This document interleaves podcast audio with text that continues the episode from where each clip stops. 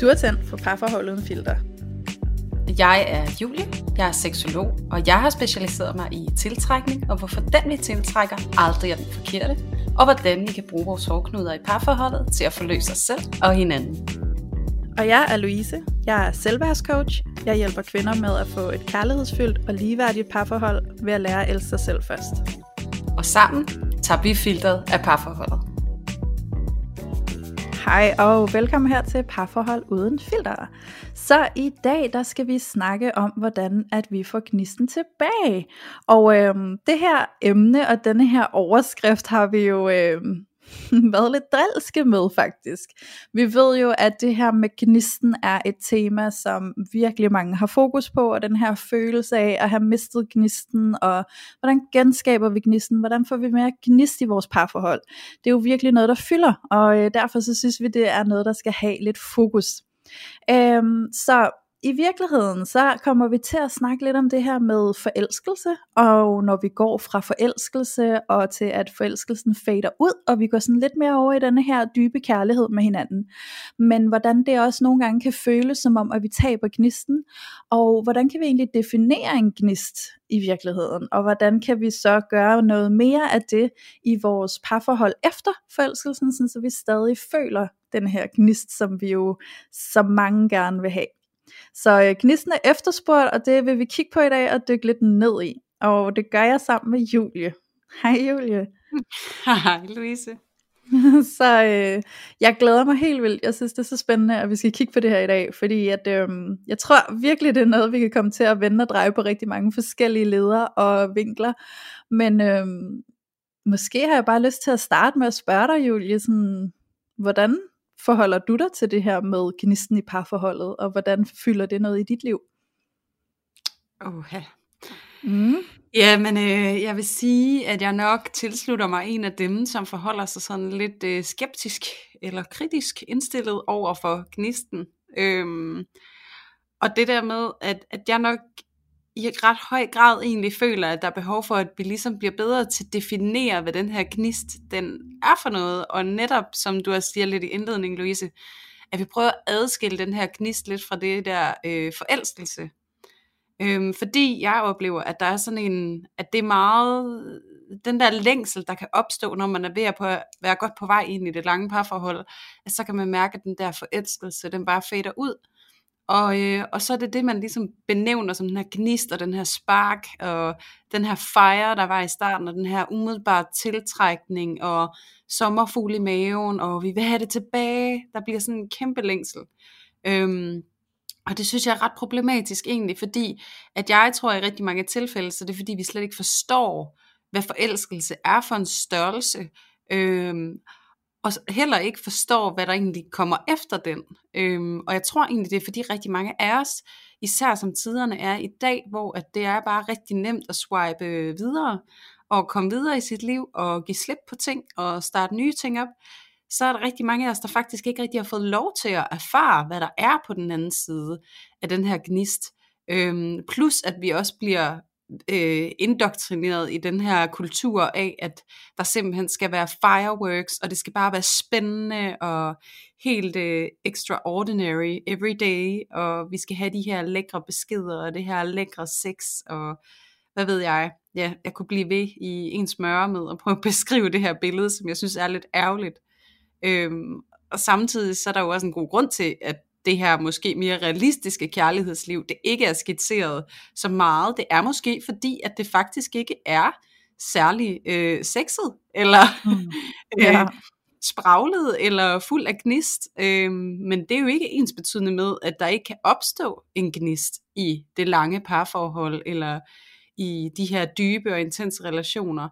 Øhm, fordi jeg faktisk er nok af den overbevisning, at gnisten, øh, hvis vi skal bruge det begreb om den der følelse, som kan være lidt svært at sætte fingre på, at den her gnist, vi så kan komme til at opleve, når vi er kommet ud af forelskelsen, ind i at praktisere den her dybe kærlighed og det her commitment til vores parforhold, der kan vi faktisk øh, få kontakt til en gnist, som kan være meget mere voldsom øh, og fantastisk, end den vi oplevede i forelskelsen.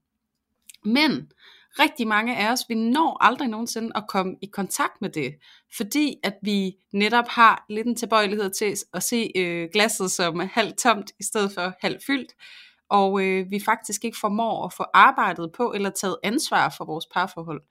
Øhm, jeg tænker egentlig, altså nu når jeg sidder og snakker, Louise, at at det nærmest er lidt øh, grunden til, at jeg synes, at det her med at lave den her podcast, det var en fed idé. Det var faktisk lidt på grund af den her kultur, og at jeg rigtig godt kunne tænke mig at være med til at, øh, at lave en forandring her. Øhm, mm.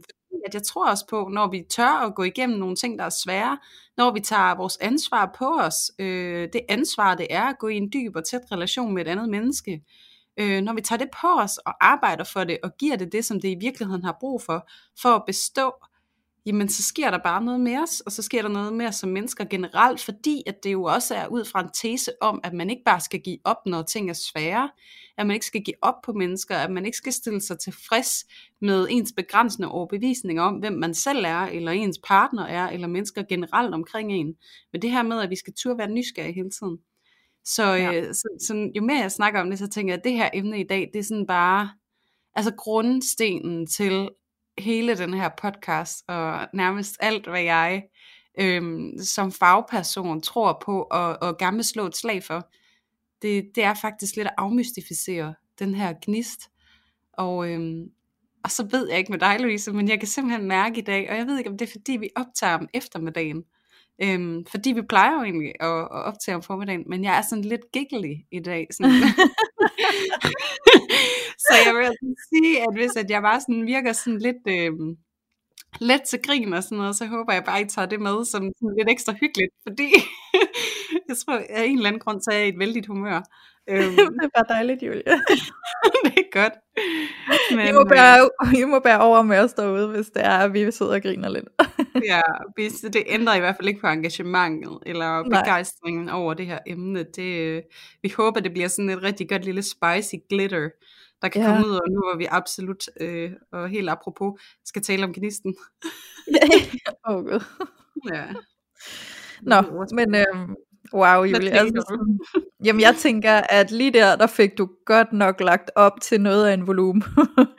øhm, Altså i forhold til, at det er hele grundstenen for vores podcast, fordi det er det jo. Det var jo, jeg husker jo tydeligt, da vi første gang mødtes på en café, og sad og snakkede om, hvad det var, vi ville med den her podcast. Og det var jo netop at, at komme ind til det her med, at øh, faktisk fjerne alle de her glansbilleder, ikke? og så komme ind til virkeligheden af parforholdet. Øhm, så, øh, så, så det er så rigtigt, hvad du siger. Og, øh, og lige nu der bliver jeg bare overvældet af hele det store ansvar, jeg så føler, der ligger i den korte taletid, vi har i det her ene afsnit. Øhm, men jeg er sikker på, at vi skal komme rigtig godt omkring det. Det er jeg også. Helt ja. bestemt. Ja. Men øh, altså sådan, hvis jeg lige skulle prøve at tabe lidt ind i det her emne, øh, sådan på min egen hjemmebane, øh, så kunne jeg tænke mig at starte i begyndelsen, så at sige. Ikke? Altså, så, så det her tema omkring, at vi møder en partner, vi, øh, vi forelsker os, vi bliver kærester, vi slår os sammen, og vi render rundt og er forelsket, og det er dejligt, og det er gratis, og alle de her ting, som vi har snakket om før. Og så til, at vi rammer det øjeblik, hvor at den der forelskelse, den begynder stille og roligt at fase ud. Og så bliver vi sådan øh, gradvist lige grebet af den der, den der, hvad er det, der sker? Øh, hvad, hvorfor begynder jeg at føle, at, øh, at jeg mister lidt følelse her? Øh, det er som om, det begynder at blive lidt kedeligt, det bliver lidt trivielt, og bliver måske lidt bange for sådan omvendt se sådan, åh oh nej, er, er min partner ved at kede sig, eller er min partner ved at forlade mig måske her, eller sådan, altså alle de der bekymringstanker, der kan komme, når at forelskelsen daler, fordi at det kan føles som om, at det er forkert. Det kan føles som om, at vi ikke opretholder den her gnist. Og den frygt, der er forbundet med at miste gnisten, hvad er det, det så betyder? Er det fordi, det hele går i stykker nu? Øhm, den har jeg da i hvert fald helt personligt oplevet øh, i mit liv, igennem flere parforhold, altså, og, og ikke nødvendigvis har forstået, at det ikke var den samme gnist, der skulle fortsætte, men at det faktisk er øh, naturens gang, at vi bare holder op med at være forelsket på den måde, vi er i, i starten, fordi det har vi snakket om lidt før, at det har jo også noget med nogle øh, hormoner i hjernen at gøre. Øh, så der er jo en naturlig hvad kan man sige, forklaring på den forelskelsesfølelse, vi har i starten, når vi møder hinanden. Ikke? Og øh, på den måde er der også en naturlig forklaring på, hvorfor det forsvinder igen. Og øh, som vi også snakkede om så sent som i sidste afsnit, så tænker jeg bare, at det vil også blive et frygteligt øh, kaotisk, voldsomt liv, hvis man hele tiden var øh, topforelsket. altså det vil jo... Øh, yes. Ej, men det, det kunne jeg slet ikke forestille mig, at det kunne hænge sammen. Så på den måde, så er det jo også et spørgsmål om, at øh, overgive sig til, at det er naturligt, vi ikke er forelskede altid og for evigt, og at vi holder op med at jage det, fordi så længe vi jager det, så er vi jo også øh, utilfredsstillet over for det, der er. Og man kan sige, når vi, når vi stiller os utilfredse med det, der er, fordi vi tror, det skal være på en anden måde, jamen så lever vi jo lidt i en smerte. Hmm. Det er den her med, at vi hele tiden regner med, at tingene burde være noget andet, end de er. Øhm, og vi hele tiden leder efter det næste, og det, det, altså, det bedre hele tiden, i stedet hmm. for bare at, at være der, hvor vi er, og så faktisk se, hvor meget det også er øh, og begynde at etablere den dybe kærlighed, og faktisk embrace den, og se hvor meget den er værd, altså hvor værdifuldt det faktisk er, når vi begynder at lære hinanden så godt at kende, at, øh, at det ikke er så skide farligt at øh, komme til at slå en prut, som det var i starten. Eksempelvis, fordi vi ved, ja, det går nok, jeg er stadig elsket, vi er stadig sammen, og altså sådan, det kan jeg da personligt skrive under på, at øhm, det er sådan et tema, der har været rigtig svært for mig, så i starten af mit parforhold, der kan jeg jo føle, at hvis han hørte en prut, så kunne det lige så godt betyde, at nu var vi ikke sammen længere, ikke? Det ja, men øh, så, så altså på den måde, så er der jo bare så mange ting i det der hverdagsspillet, hvor vi begynder at se nogle nye sider af hinanden. Vi tillader os at vise noget mere af os selv. Øh, vi er ikke længere der, hvor at vi er meget... Øh, hvad kan man sige, selvbevidste i, sådan at bevare et billede af os selv, fordi det kan vi bare heller ikke leve i hele tiden. Vi er nødt til at finde den her frihed til at være os selv, og til at opdage, at på den måde, så kan vi faktisk være enormt tæt knyttet, og i, lige præcis i det, der ligger bare en helt anden kærlighed, som jeg vil beskrive som en ret stor gnist, men den ser måske ikke ud som en gnist, som vi regner med, fordi ordet gnist ligger jo også lidt op til, at det er sådan stjernekaster, eller at det er sådan fyrværkeri og sådan noget, ikke? og det er jo ikke altid sådan, det føles. Så at gnisten måske i virkeligheden føles meget mere low-key, men rigtig dyb og varm. Ja, jeg sidder faktisk og tænker, når du siger det, Louise, at man kunne sige, at den gnist, der bliver slået i starten i forelskelsen, mm-hmm. det er den, der skal blive til en ild. Ja. Øhm, og så bliver det til en ild, som bliver til et bål. Og det her bål, det står stille og roligt og bliver til gløder, men man skal altså også holde det i gang, så det ikke fader helt ud og bliver til aske, og ligesom ja, bare blæser væk med vinden. Ja. ja, man skal, man skal bevare det, man skal passe på det, og så kan der nogle gange godt slå nogle gnister alligevel, selvom man ikke har alle de her øh, forelskelseshormoner øh, kørende op i hjernen. Ja. Så det der med, at, at, at jeg også godt kunne tænke mig at slå et slag for, at vi kan faktisk godt skabe noget, som ligner øhm, den her forelskelsesfølelse, men vi vil samtidig også erfare, at det føles meget anderledes, øhm, og ofte meget mere intenst og dybt, end det vi har erfaret før. Ja. Fordi det jeg oplever, der tit følger med den her forelskelse, det er jo også den her øh, excitement og den her øh, mystik, som der følger med en forelskelse. Vi kender ikke helt hinanden, og som du også siger, Louise, man måske er sådan lidt mere forbeholden for at være og gøre på bestemte måder, så man har stadig rigtig meget, nu har vi snakket om skygger før, man har rigtig meget maske på. Øhm, ja. Man skal vise sig fra sin bedste side. Og så er det jo, som vi så både har sagt i skyggeafsnittet, men så også i sidste afsnit, når forelskelsen falder, når masken falder, øhm, så kommer alle de her skyggesider frem. Og det er der, hvor at det dybe og det supergivende arbejde, det ligger. Fordi når vi kan få øje på de her skygger, og vi kan lære at se os selv øhm, i det lys af de skygger, og vi kan rumme dem, og vi kan være medfølende, og vi kan finde en accept omkring det, som kan være svært at kigge på, så opstår der altså bare en helt særlig følelse og forløsning og connection til det menneske, som viser dig skyggen på en eller anden måde. Og noget af det, jeg også har skrevet her på min blog, inden øh, vi gik i gang med at, at, at sludre, det er, at øh, jeg gerne vil trække lidt på den kære Jytte Vigelsø igen igen. Mm. Fordi at hun også, øh, hun, for, hun beskriver jo det her med, at vi har den her internaliserede krænker og internaliserede forløser. Øhm, så vi indeholder det her potentiale til både at krænke og forløse hinanden. Og jeg tror på og har erfaret, øh, både i forhold til klienter, jeg har haft, men også i forhold til mig selv, at det når, at vi formår at få fat i den her forløser, ja. så kan vi faktisk godt opleve nogle gnister. Og det er jo det her øjeblik, som vi har talt om så mange gange før, Louise, hvor vi render ind i noget, der er ubehageligt. Og det kan også være altså noget, som ikke nødvendigvis slår gnister. Vi behøver ikke snakke skænderier. Det kan være, at vi ikke kan tillade os selv at lave ingenting. For eksempel, når vores partner er omkring os.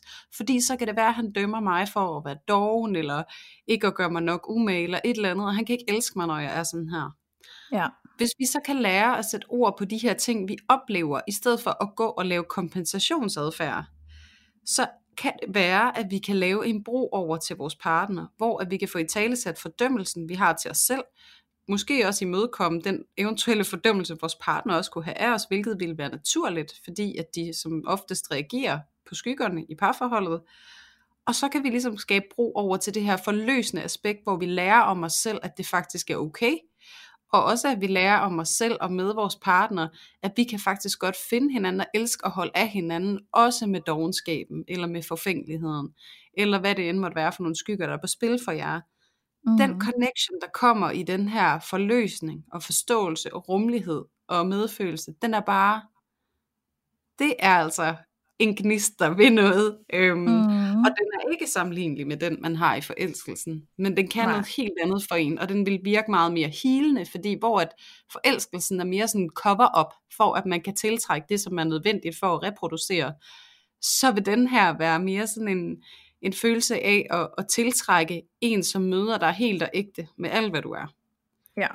Så der vil være sådan en helende aspekt indover, som giver en anden slags forløsning, hvor du vil føle dig mere autentisk og nærværende på en helt mm. anden måde. 100%. Og den gnist, synes jeg, er øh, alt for få for ondt at opleve. Og det var egentlig sådan lidt tilbage til det, jeg sagde, efter du lavede øh, den introen, Louise. Det her med, at det er mm. så ærgerligt, at vi er så få, der får adgang til at erfare det der. Ja, det er rigtig ærgerligt, og jeg får sådan en, når du sidder og forklarer det, du siger lige nu, øhm, jeg får sådan en følelse af, at den gnist, du lige har talt om, det er den følelse, der opstår, når det er, jeg føler, at jeg bare ikke kan kramme min kæreste hårdt nok. Mm. Altså sådan, jeg får lyst til at knuge ham ind. Altså sådan, for mig kan det blive sådan helt, øh, øh sådan, hvor jeg får lyst til at bide ham, ikke? Eller sådan, øh, bare sådan helt. øhm, og det er sådan en, altså sådan, jeg kan huske til min venindes bryllup, øh, så siger hendes, øh, de skulle holde tale til hinanden, og hendes kone rejser sig og siger, jeg får nogle gange den her følelse af, at jeg bare sådan har lyst til at hoppe ind i dig. Så tæt har jeg lyst til at være på dig. Og det er mm. den det er den følelse, jeg forbinder med den gnist, der er på den lange bane, som ikke hører til i forelskelsesfasen, som ikke er det her sprudlende fyrværkeri, men som er den her varme, dybe følelse. Mm. Øhm, og, og det jeg egentlig sådan lidt kom til at tænke på, nu hvor du sad og snakkede, Julie, det var det her med, at under forelskelsesperioden, der, er, der eksisterer jo også den her frygt, og den her usikkerhed. Netop mm. fordi det hele er nyt. Jeg er meget forelsket. Øh, jeg er meget opsat på gerne at ville holde fast i dig. Jeg er meget opsat på, hvordan jeg viser mig selv. Så det her igen, som du siger med, jeg kan ikke nødvendigvis bare ligge mig og være doven og lave ingenting, når jeg er sammen med min partner, fordi hvad nu hvis min partner ikke bryder sig om det? Øhm, så, så det lader jeg være med, ikke? Og så til at vi når det punkt, hvor vi godt tør det, fordi nu kan vi se, jamen det er der plads til, det, det er rum, altså, der er rummelighed for det nu, og jeg kan mærke, at jeg stadig hører til her, og jeg er stadig er elsket og accepteret alle de her ting.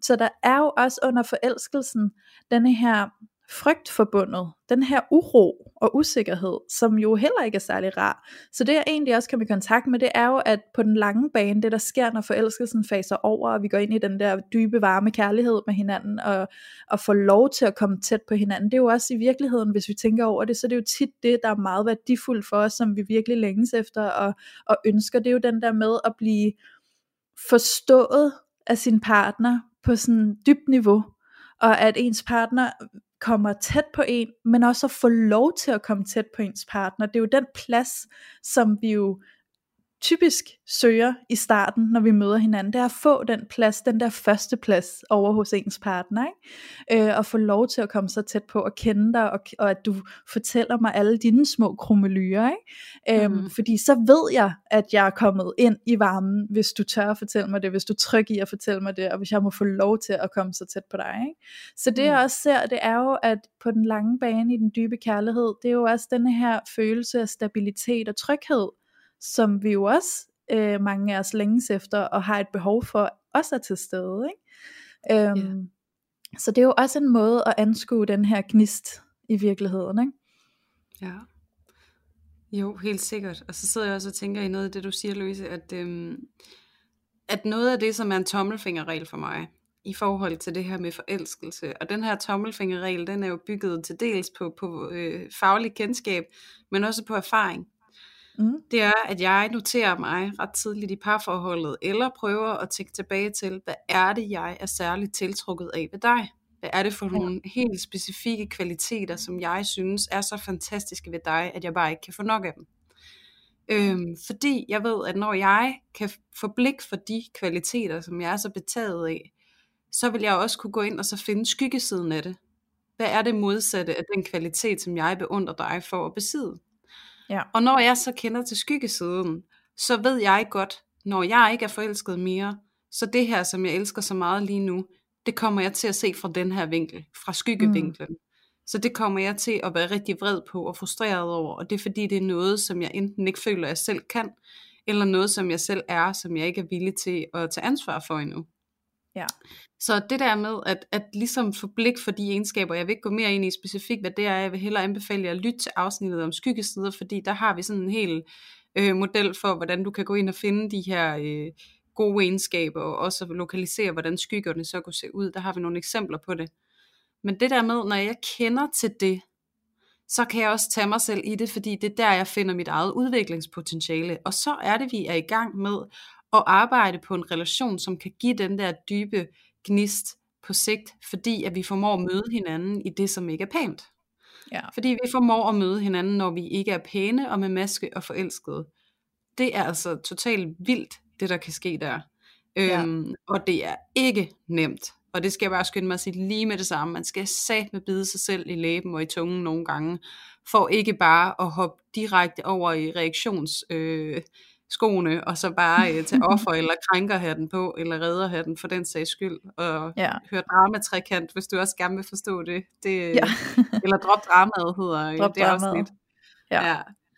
Men det der med, at man skal virkelig tage sig selv i det, fordi nogle gange, så står jeg bare i en situation, hvor det er sådan, altså jeg kan bare se mig selv, og hold kæft, jeg elskede min kæreste i starten, for at han var så øhm, tydelig, altså mm. virkelig tydelig. Jeg synes, det var så dejligt og beroligende og trygt og vidunderligt. Altså sådan en virkelig, virkelig dejlig egenskab. Ja. Og nu ser jeg skyggesiden af det, og det er bare stedig som et mm. æsel. Altså virkelig stedig. øhm, og jeg kan jo se, at jeg dømmer ham for at være altså mere eller mindre urokkelig i sin stedighed. Og jeg ved jo også godt, at noget af det, som jeg har brug for at lære og erfare, det er, at jeg faktisk også godt selv må være stedig og også erfare, at jeg faktisk også selv kan være utrolig stedig.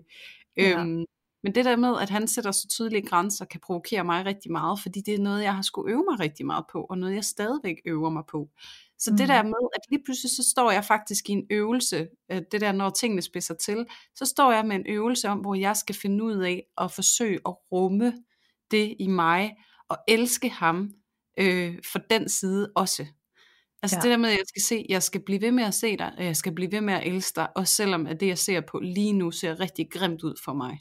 Mm. Fordi jeg har så svært at rumme det. Og når jeg så formår, og det gør jeg ikke hver gang, og det skal jeg skynde mig at sige, når I begynder at øve jer på det her, I kommer ikke til at kunne gøre det hver gang. mm. og også det, tager noget tid lige sådan at, at, at føle sig i stand til det. Men jeg vil bare sige, at det er benarbejdet værd. Altså det er knokkelhårdt arbejde, men det er sat med det værd. Fordi når I så ser igennem det, så er der gnister. Ja. Sådan, wow, jeg elsker dig i det her, som var så svært, fordi jeg ser og mærker i mig selv, at det faktisk også er okay. Altså huske kærligheden i de situationer, det kan virkelig, virkelig skabe noget god energi mellem jer. Ja, og bonus er jo, at du også får åbnet op for en frihed i, at der er en ny kvalitet, du selv kan bruge i dig selv, som du ikke kunne før. Ja, og det er jo det, ja. som hele parforholdet går ud på, også i vores optik, Louise, det er jo det her med, at øh, parforholdet, det er sgu ikke en badeferie, det er sindssygt mm. hårdt arbejde, og hvis ikke at man er villig til at, at se det som det, men man ser det som et eller andet, man skal have, fordi at, at det skal fylde en op med alt muligt, så tror jeg lidt, you're in it for the wrong reasons, altså fordi mm. det er det altså ikke, hvis vi gerne vil have det gode parforhold, og lykkes med det, og, og, og kunne få udledet det potentiale, som der ligger i det. Ja. Øh, hvis vi står, at det er sådan en ting, vi skal have, vi skal have en kæreste, fordi det dikterer øh, normerne jo, at vi skal, eller det er jo noget, jeg altid har troet, jeg gerne vil have, eller det har alle mine venner også, og vi ikke har tjekket ind i os selv, og vi bare går blindt efter det, så har vi sjældent også reflekteret ret meget over, hvad det egentlig kommer til at kræve af os at have en kæreste, mm. og gå ind i et parforhold. Og jeg ja. tror bare, det, fordi det, det er det nemmeste i verden at gå ind i et parforhold, og som vi også har snakket om i tidligere afsnit, det er jo det her med, at hvis vi igen arbejder ud fra Jytte Vigelsøs hypotese, så er det jo det her med, at vi tiltrækker udelukkende fra vores underbevidste. Så, øh, så det der med, at din underbevidsthed går ud, og så tiltrækker øh, en person for dig, eller, eller bliver forblændet i en person, det, er jo, det sker jo helt automatisk, helt af sig selv. Øhm, mm. Så der skal vi bare ikke rigtig gøre så meget, og så slår det gnister, og så bliver det fantastisk, fordi at det, at det kører bare for os, og jeg, jeg vil næsten ikke sige for meget om det, fordi det kan I også høre øh, i, i det forgangne afsnit, øh, det sidste vi lavede, hvor at, øh, vi også lige taler kort, sådan, tror jeg nærmest, nærmest slutningen i afsnittet, øh, om hvad det er for nogle mekanismer, der bliver aktiveret, når det er, vi bliver forelsket. Men det ja. der med, det er bare så nemt, så det der med at gå ud og blive forelsket og finde den rigtige, det, det, det skal nok komme. Men det der ja. med at komme hen over den, øh, mm. og, og så, så forløse det potentiale der, det er virkelig bare tough. Ja, ja. Men det er jo, altså det er jo denne her øh, klassiker, eller kliché, eller øh, hvad man skal sige, det her øh, ordsprog, udsagn, jeg ved ikke, hvad jeg skal kalde det, men det her med, at det du, øh, det du forelsker dig til at starte med, er det du kommer til at være røv irriteret over, når forelskelsen er over. Ikke?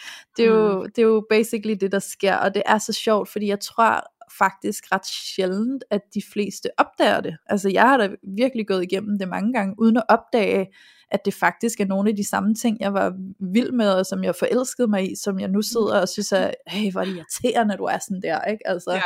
at det er bare så spændende og så interessant at få øje på, ikke? Fordi, nej, hvor kan vi også bare være naive og dumme som mennesker, ikke? Altså sådan. øhm, men øh, ja, altså det her med, at, at som du også siger, Julia, altså et parforhold og, og glæden i et parforhold er jo noget, som man skal arbejde for. Øhm, jeg vil så også sige, at, at jeg synes også, det er okay at sige, at, øh, at det, det må gerne være... Øhm, det må ikke være, altså jo, det må også godt være nemt, men bare for at sige, at, at det, sådan, det behøver ikke at have den der, at det skal være røvhammerne hårdt, fordi så, hvad fanden skulle vi så være her for, ikke? Altså sådan, det må også godt være rart og nemt, øhm, og det kan det jo blive i højere grad, jo mere vi formår at sådan navigere os rundt i det, ikke? Øhm, og, og der kunne jeg også bare godt tænke mig at sådan komme ind i det her hjørne, hvor at det handler lidt om det billede, vi har, den forventning, vi har om, hvordan det gode parforhold skal se ud, fordi der er altså også en misforståelse omkring, at det gode parforhold, det er bare øh, happy all day long, ikke? Altså sådan all day happy. Og det er ja. jo det er, jo, det er jo der, hvor vi er blevet farvet af medier og af Instagram og det glansbillede, som andre viser, og når, når din veninde snakker om, at de har det fantastisk og skønt, og de aldrig nogensinde skændes og sådan noget. Øh, altså det der, hvor det kommer til at se så, så, så øh, ubesværet ud, og det bare ser ud, som om det hele er en stor lykkeros, og man bare sidder der og tænker, det var da lige godt satans, hvordan fanden kan jeg få den lykkeros, som alle de andre har? Jamen det kan du, så snart du opdager, at de ikke har den. Ja. Øh, altså sådan, det, det, det, altså nu skal jeg jo ikke gøre mig til dommer, men det er i hvert fald i, i, i mit perspektiv, er der ikke nogen, der lever i en konstant lykkeros, hvor det hele bare er øh, liv og glade dage. Øh, men jeg tror desværre, at vi bliver så påvirket af de her Instagram-opslag, hvor der bare står en eller anden romantisk smør omkring, ej, det er bare ham her, og fordi at han er sådan her, sådan her, du er der bare altid for mig, og sådan noget. Ikke? Men lige præcis i det post, der har den her kvinde nok siddet med den her dejlige følelse af, at i det store hele billede, så elsker hun fandme sin mand.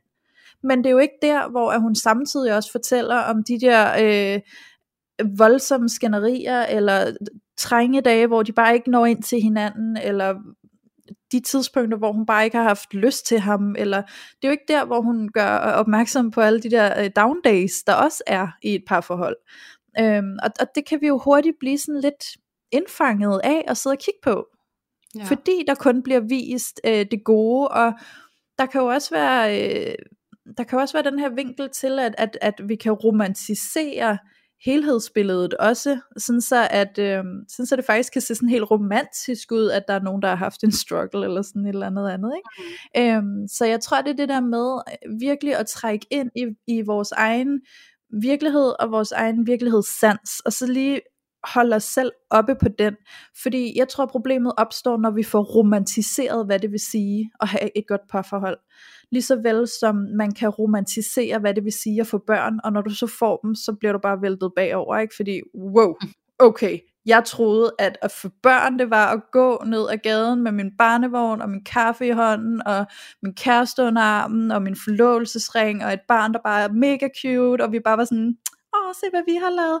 Ikke? Og så kom der det der barn, og så er der bare råb og skrig og skrål, og ingen søvn, og ingen sex, og man er bare sådan, hvad fanden er det her? Det var ikke det, jeg signede op for, ikke? Altså, så, så, så der er også noget med at komme ind i virkeligheden af, hvad det i virkeligheden øh, vil sige at være i et parforhold, og hvor meget det faktisk rummer, og at det ikke altid bare er all day happy days. Jeg synes bare, det er rigtigt alt, hvad du siger, og jeg synes, det er så fedt, og jeg synes, den måde, du får det forklaret på, den er bare guld. Øh, og jeg tror, det du, det, det, du er fuldstændig ret, Louise. Det handler faktisk rigtig meget bare om at afromantisere det. Mm. Fordi at, at jeg kan også godt høre den måde, jeg udlagde det på, så blev det sådan lidt, at det er bare hårdt, og det er bare, fordi det er det jo selvfølgelig ikke kun. Øhm, og, og, og det der, der er hårdt, det kan jo også, det er jo det, der kan potentielt blive helt fantastisk, hvis vi øh, væbner os med tålmodighed og, og mod til at gå ind i det, og turde mm. kigge på det. Så er det ja. jo fantastisk, også når det er hårdt. Øhm, og jeg sad lige med en veninde i dag, og så fik jeg sagt til hende, øh, at, at jeg egentlig var nået til et punkt, som jeg måske ikke selv har anerkendt øh, helt endnu. Øh, over for mm. mig selv. Og det er det her med, at når jeg står i en konflikt med min kæreste, fordi, at, og det vil jeg gerne benytte mig af næsten enhver lejlighed til at sige, fordi jeg står også i konflikter med min kæreste. Men hver gang jeg møder dem nu, så, det, så kan jeg alligevel formå at fortælle mig selv, hvad er det, jeg kan lære her? Hvad er det, vi mm. skal lære? Hvad er det, der sker? Hvad er det, jeg skal, hvad er det, jeg skal have ud af det her? I stedet for at gå så meget i krise over det, men måske ja. mere se potentialet i det, som ikke fungerer, fordi det er læring. Det er mm. ren og skær læring det hele. Og jeg vil bestemt ikke være den, som, som potentielt kan sidde og lyde som en fortaler for, at man skal være 100% hele tiden øh, på arbejde i sit parforhold og sådan noget. For jeg tror, at det er lidt der filmen knækker, at vi skal være 100%, og det skal være perfekt, og vi skal have regelmæssig sex, og vi skal helst også nyde det, og vi skal også helst have spontan lyst, fordi det er det gode at have, og det skal se godt ud, og vi skal også være sociale, og vi skal også kunne godt med svigerfamilierne. Og sådan. Der er alle de her forbandede idealer omkring, hvad det gode parforhold det er, og vi går alle sammen og halser for at nå dem. Eller mm. nu skal jeg passe på med at generalisere for meget, for det gør vi selvfølgelig ikke alle sammen. Men vi er bare desværre rigtig, rigtig mange, og en kæmpe stor procentdel af mennesker, som gør det. Ja. Øhm, for man skal bestemt ikke være 100% hele tiden. Jeg tror nærmere, at, at modsat så er målet ikke at være 100% hele tiden, og faktisk være okay med, at det er sådan, det er. Det ja. er at slutte fred med tingenes tilstand, og det er, hvad det er. Og det her med netop at væbne sig med tålmodighed, men som jeg også sagde i det tidlige afsnit, Louise, vi er bare rigtig meget i en kultur, hvor det skal gå hurtigt, det er on demand, det er fast food, det er lige nu og her, og nu bestiller jeg det på nettet, for jeg skal bare have det nu, jeg kan ikke vente til butikken åbner i morgen. Mm. Øhm, vi er bare blevet super utålmodige som mennesker som ja. i helt vildt meget. Ja. Øhm, så kan man godt savne lidt de gamle dage, hvor man var nødt til at snakke med sin veninde, indtil man var kommet hjem til fastnet-telefonen, eller måske endnu ældre dage, hvor man skulle vente på et brev med posten. Ikke? Altså, ja. altså finde roen og tilfredsheden ja. i, det, den, i den venten også. Øhm, for det der med, når du finder roen og tilfredsheden, også lidt tilbage til noget i forrige afsnit, det her med, at man følelsesregulerer sig selv på en eller anden ja. måde, sådan at man også bliver i stand til det i mødet med sin partner, og de ting, som kan være svære. Og når vi kan mødes fra det sted, og vi kan være nysgerrige på, hvad er det for en konflikt, vi har? Hvad er det for en udfordring, vi har? Hvad er det, der sker? Og vi kan tale os igennem det, vi kan kommunikere os igennem det, så vi kan se hinanden helt. Der ja. opstår der gnist. Og det er bare præcis. det, jeg gerne vil være fortaler for. Det er der, gnisten ligger efter forelskelsen. Den ligger altså efter et stykke arbejde. Den her ja. gnist er ikke gratis. Det er ikke bare noget, I får ved at gå ud og købe frækt undertøj, eller gå en tur i svingerklub. Eller måske. ja, måske. Og tillykke, hvis I gør. Jeg vil bare, ja. Og det kan også godt, det kan også gøre noget bevares. Det vil jeg heller ikke underkende. Fordi at det er jo også en type indsats. Og jeg tror egentlig bare, det er det, som jeg gerne vil forsøge at fremhæve i det her afsnit. At det er ikke så meget et spørgsmål om, hvordan vi gør det, men det er mere indsatsen bag, mm. og hvad måde vi vælger at være i parforholdet på. Altså ja. igen også lidt tilbage noget, til noget, vi har talt om, Louise, det her med, hvad er det for nogle værdier, I har? Hvad er det for en måde, I gerne vil være kærester på, eller gift på? Vi ja. vil gerne være tålmodige, vi vil gerne være ærlige, vi vil gerne være overbærende, vi vil gerne være autentiske, vi vil gerne være i integritet med os selv og med hinanden.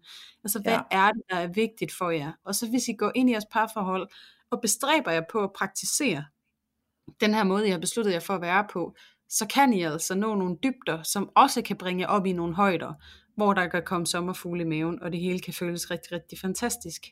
Ja. Øhm, så det, det er egentlig det, at, at nu lød det sådan lidt trist i starten, det der med, at vi kommer ikke til at sige, hvordan de får gnisten tilbage. det kan man ikke.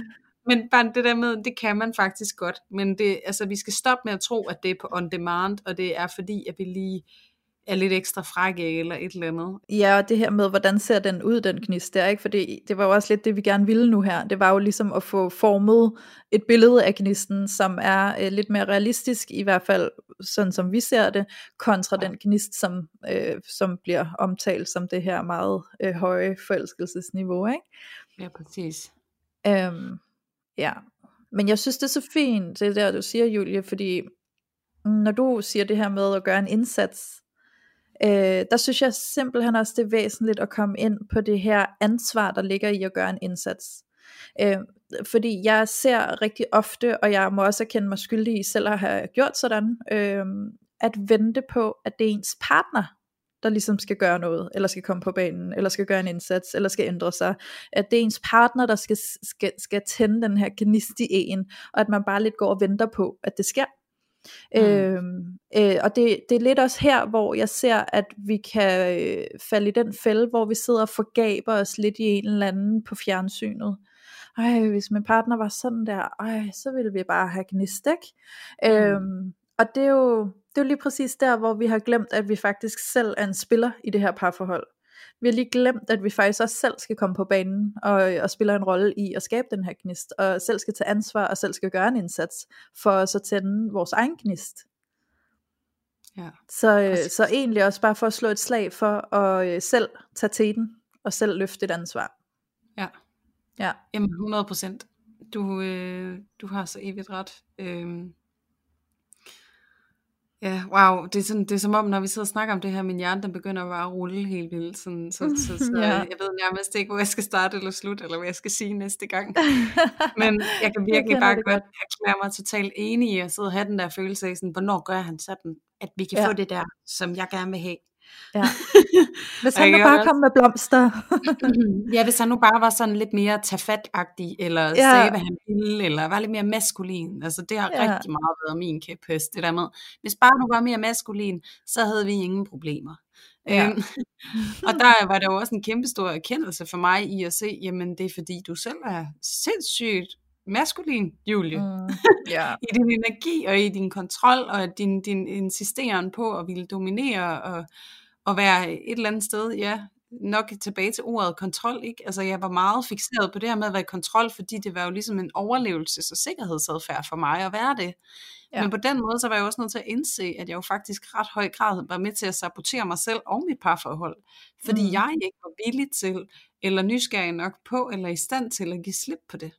Ja. Så det er jo egentlig også noget af det, der er lektion i det her med, hvis vi skal finde den her gnist, og vi skal skabe det her parforhold, vi gerne vil have. Og der, jeg siger skabe det her parforhold, vi gerne vil have, fordi det er noget, I skaber, det er ikke noget, I får. Præcis. Øhm, der, der er vi altså nødt til også at prøve at kigge ind af og være villige til at give køb på nogle af de her øh, overlevelsesstrategier og ting og sager, som vi har med os.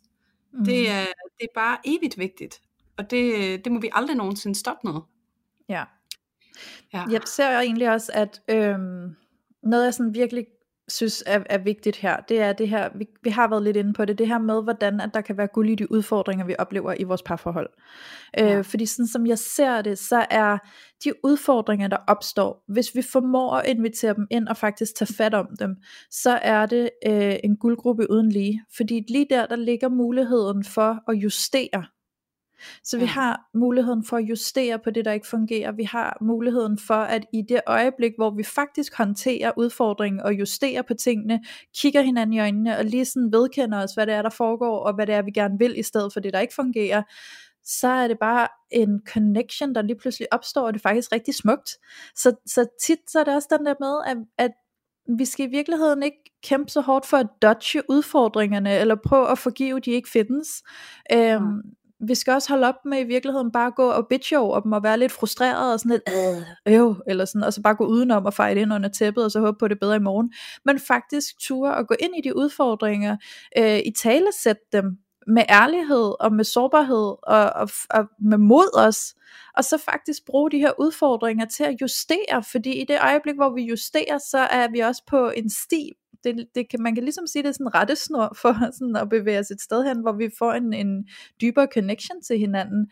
Øhm, og det har vi jo mange afsnit af, hvor I kan hente nogle gode redskaber til, hvordan man så håndterer udfordringer sammen. Øhm, for det kan også gå den helt gale vej, hvor man så bare ender i et endnu større brag af et skænderi. Så, så lyt til nogle af vores tidligere afsnit, hvor der ligger rigtig gode redskaber til at håndtere en udfordring og en konflikt. Men, øhm, ja.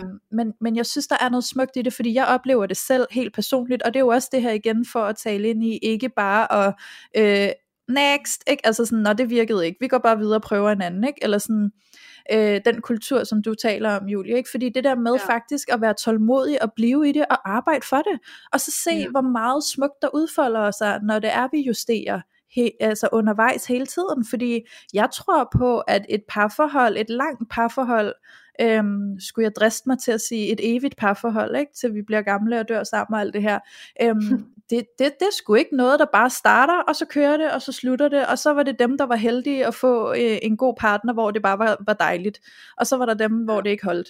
Det, det er ikke sådan, jeg ser på det. Altså jeg ser på, at hvis vi skal have det her lange parforhold til døden og skiller-agtigt, jamen så er det en lang overrække af glæde og øh, kærlighed og skænderier og konflikter ja. og udfordringer og en hel masse justeringer.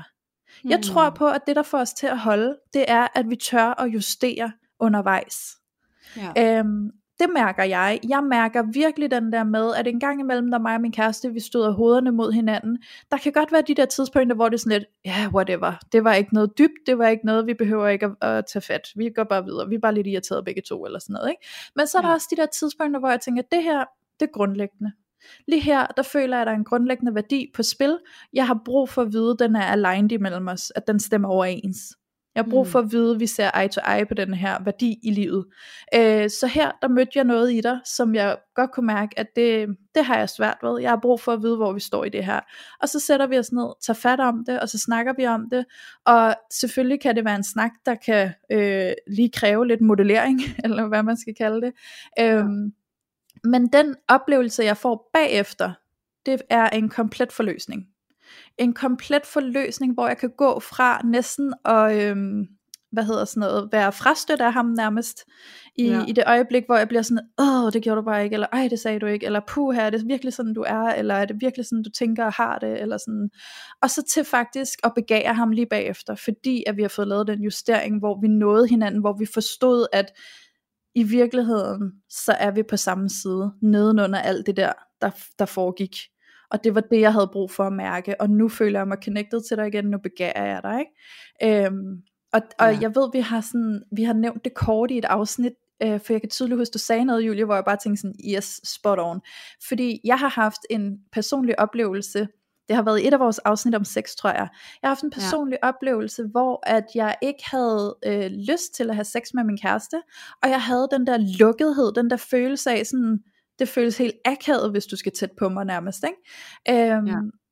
Indtil at vi faktisk bare tog hul på at i tale sætte, at jeg havde mm. det sådan, og at jeg synes, det var lidt ubehageligt, og jeg følte mig akavet tilpas og alt muligt andet, så fik vi snakket om det, og lige pludselig så blev jeg bare max liderlig.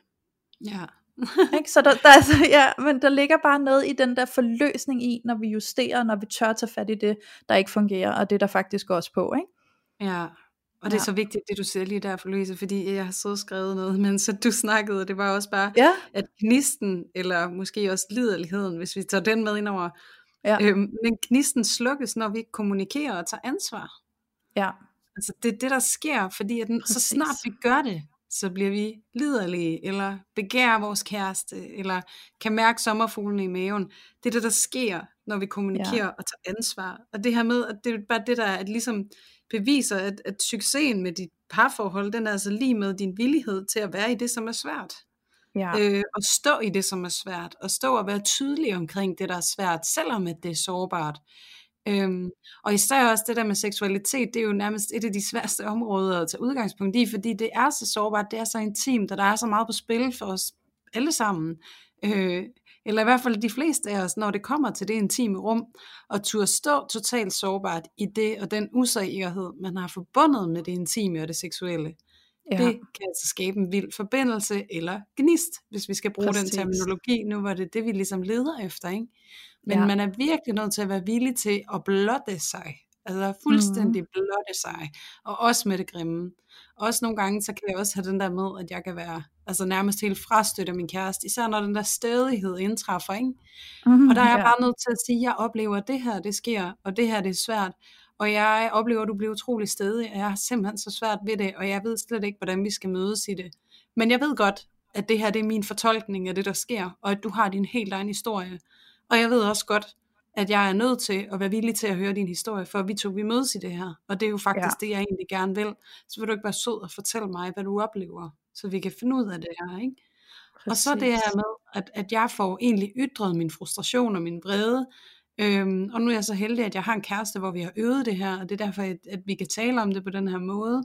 Øhm, men der kan han jo så også fortælle sin oplevelse, og tit og ofte, så bliver jeg faktisk overrasket. Sådan, wow, okay, jamen det som jeg antog, det var faktisk ikke det, der skete, eller det var måske det, der skete, men der var meget mere i det, end det, jeg ja. lige med antog, der var.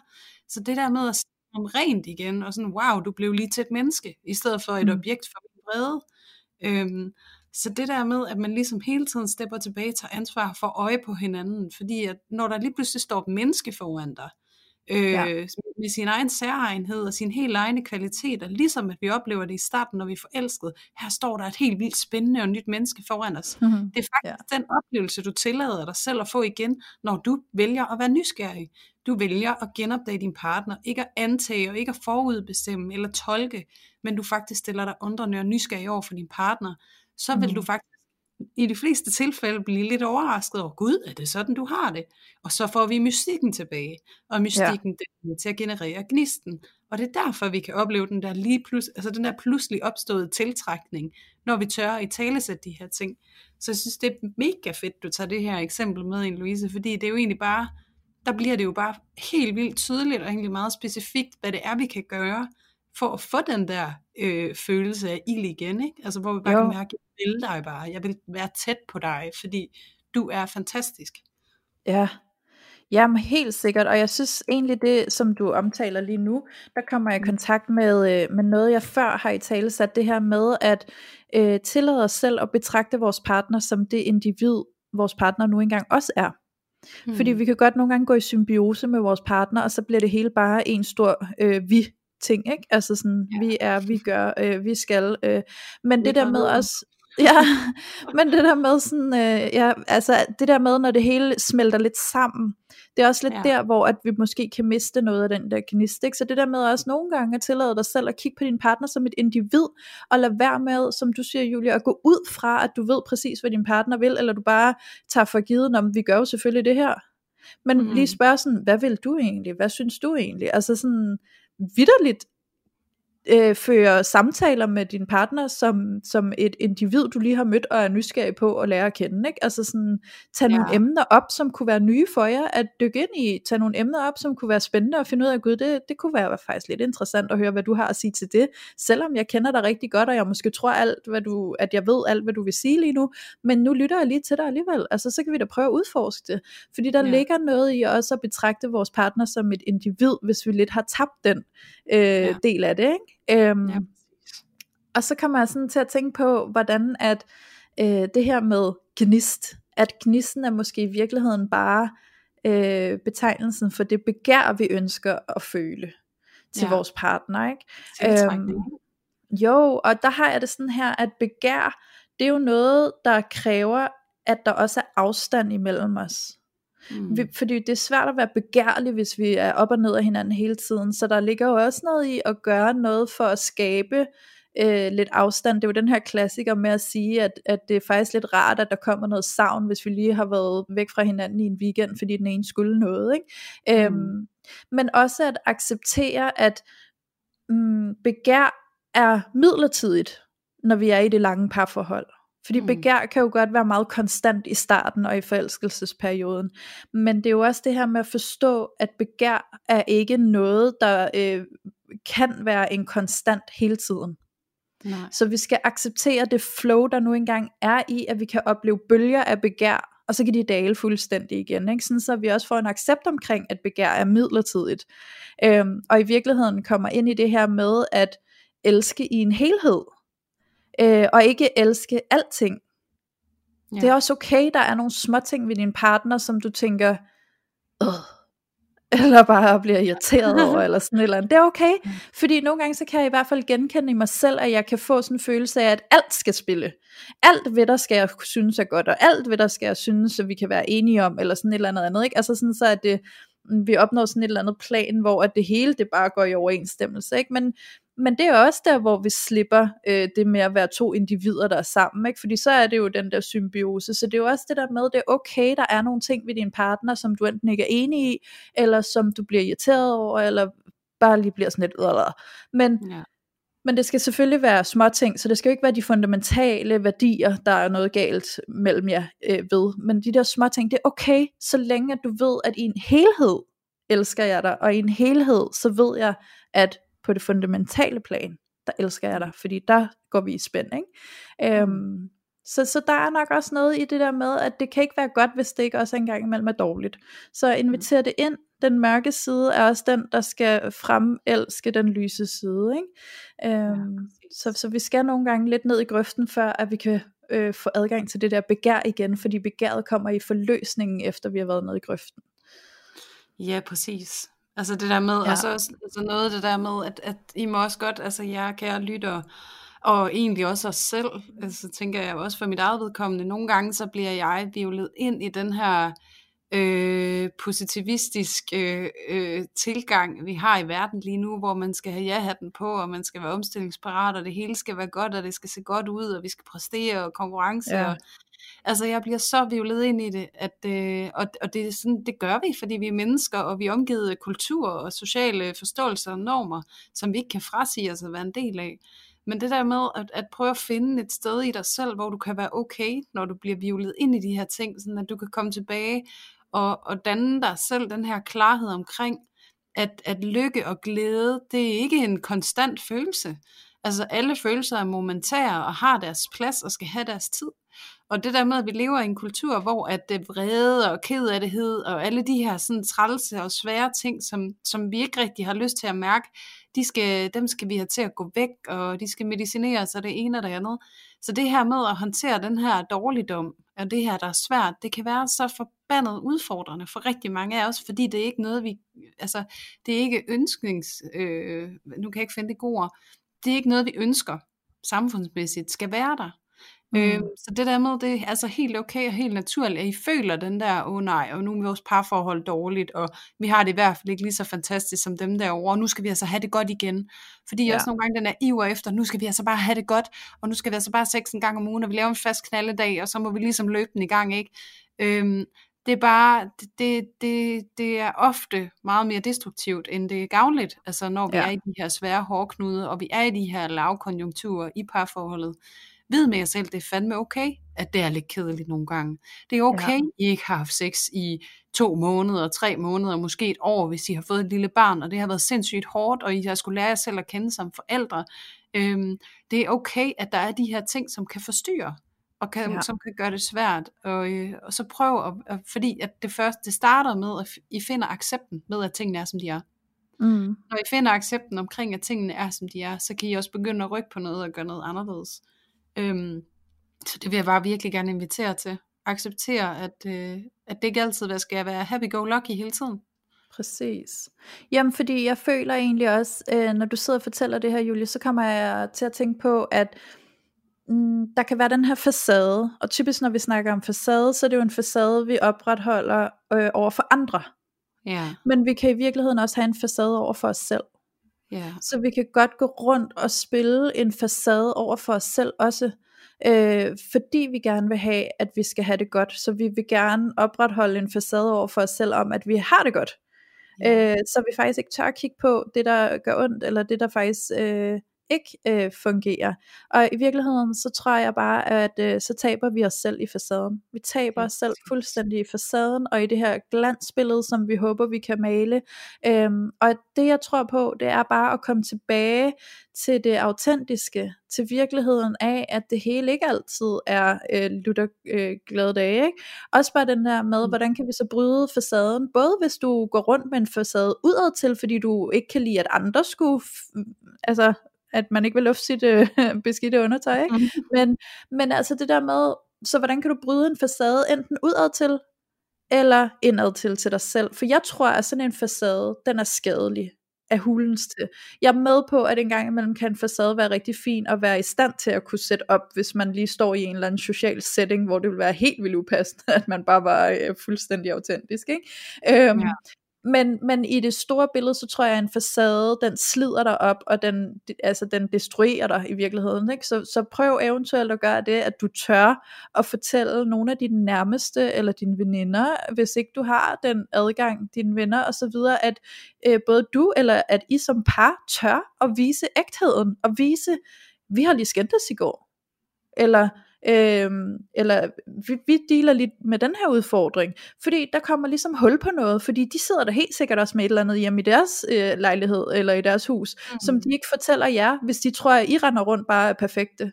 Men hvis I nu prøver at åbne lidt op, så kan det være, at de åbner op, og så begynder vi at få den her øh, åbenhed omkring virkeligheden, og faktisk møder hinanden rigtig meget, og kan støtte hinanden, og få aftabuiseret af det her med faktisk at have problemer.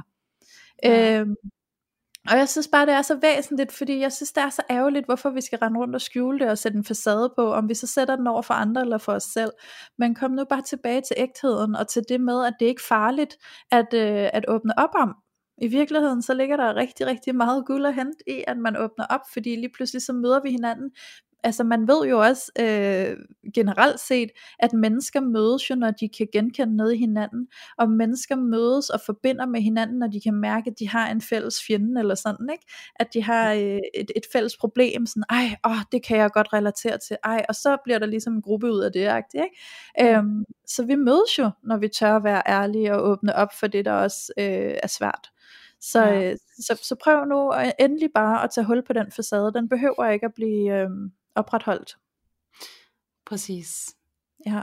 Og øh, det synes jeg faktisk er en ret god afslutning, Lise. Det tænker jeg. Det, er, ja, det er altså, også tidsmæssigt øh, et meget godt tidspunkt at få rundet ja, af. Jo, jo. Så, ikke, øh, så vi ikke taler ørerne helt af jer derude. Jamen, det kører vi jo ja. godt. gnisten, den, øh, i hvert fald ikke forelskelsesgnisten, den får I sgu nok ikke tilbage. Øhm, men øh, I kan skabe noget, der er helt fantastisk. Øh, det skal vi stoppe med at underkue eller underminere. At, øh, ja. Og bilde os selv ind, at det kan vi ikke. Og vi er nødt ja. til at være forelsket, fordi det er en saga blot. Det er ikke sådan, det forholder sig. Og det, det håber jeg, I tager med, jer i dag fra det her afsnit, at øh, I kan mere, end I tror. Ja. I behøver ikke øh, kemi i hjernen, fordi I kan selv gøre en hel masse. Ja, og gnisten ser måske i virkeligheden anderledes ud, end du går og tror. Så øh, down to earth og ned og finde den dybe varme gnist. Yes. Ja. Light my fire. Yeah. Nå, men det gik da meget godt, Julie. Der var der ikke øh, alt for meget fnis og grin og eftermiddags uh, giggly.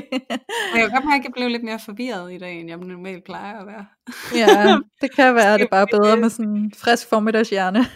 Jamen, det, det tror jeg, men altså, så alligevel, så det kan være, at det her, det giver noget andet, ikke? Nu sidder vi jo. og snakker, at vi ikke skal kultivere den her perfekthedskultur, så det her, det var perfekt uperfekt. ja, som man siger. Yes. Ja. Nej, det er så fint, Julie. Men øhm, tusind tak, Julie, for i dag. Det har, det har faktisk været rigtig spændende. Ja, selv Som tak. altid. Ja. ja. Det så, øh, ja, præcis. Om det er så fint, ikke? Ananas i egen juice. Men, ja. øhm, men vi håber, at I også har nyttet det, dem af jer, der har lyttet med. Og øhm, kom og vær med inde på vores Instagram, og øh, vær med i vores loge på Facebook, hvis I har lyst til det. Øh, parforhold uden filter, bindestreg lotion hedder den. Og øh, så må I bare have en helt fantastisk dag, og øh, så snakkes vi jo bare ved i næste uge, Julie.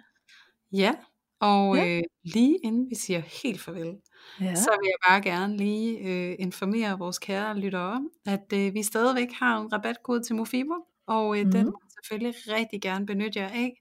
I kan bare anvende koden parforhold, når I opretter ind på Mofibo for første gang, og så får I faktisk 30 dages gratis adgang og øh, der kan I jo øh, med fordel lytte til en hel masse af de her fantastiske selvudviklingsbøger, som de også har derinde.